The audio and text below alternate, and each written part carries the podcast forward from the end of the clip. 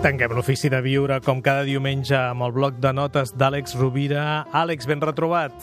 Hola, Benvingut. Gaspar. Moltes gràcies. Que acabes de publicar amb l'amic Francesc Miralles els contes per estimar-te millor, Estrella Polar i en castellà Destino.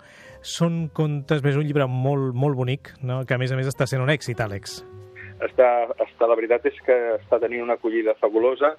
És un llibre il·lustrat i són 35 contes de la saviesa de tot el món, eh, tant eh, tradicional com contemporània, tant d'Orient com d'Occident, eh, que d'alguna manera pretenen tots eh, portar alguna reflexió sobre el món de l'autoestima i també del vincle, de l'estimació, de l'afectació envers els altres, però també nosaltres mateixos.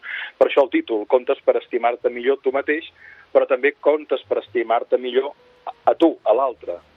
Mm. Eh, detectes, eh, Àlex, que encara una de les assignatures pendents que tenim és la de l'autoestima? Ho dic perquè eh, no només a casa nostra, sinó a Europa, quan una revista parla d'autoestima, les revistes de psicologia han d'augmentar la seva tirada perquè hi ha molta demanda.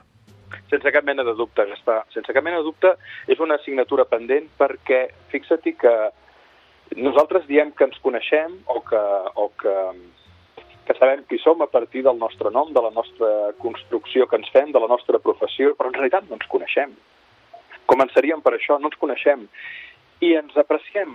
Home, doncs potser tampoc, perquè hem relegat totes aquestes funcions a moments crítics de la nostra vida, moments de patiment, i per tant cal fer una pedagogia no des del patiment, no des d'una separació, no des d'una crisi personal, sinó des de la benignitat de la vida i des del fet de tenir eines que ens permetin fer una reflexió i una construcció d'allò que som i d'allò que podem esdevenir des de la normalitat.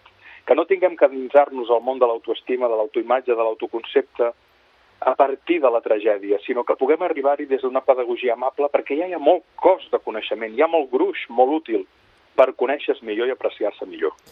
El llibre de l'Àlex Rovira i en Francesc Miralles doncs, eh, es proposa una lectura amable i bonica, contes per estimar-te millor. Gràcies, Àlex. En continuarem gràcies, parlant amb en Francesc Miralles ben aviat. Una forta abraçada. Una forta abraçada. L'ofici de viure. Un programa sobre conducta humana.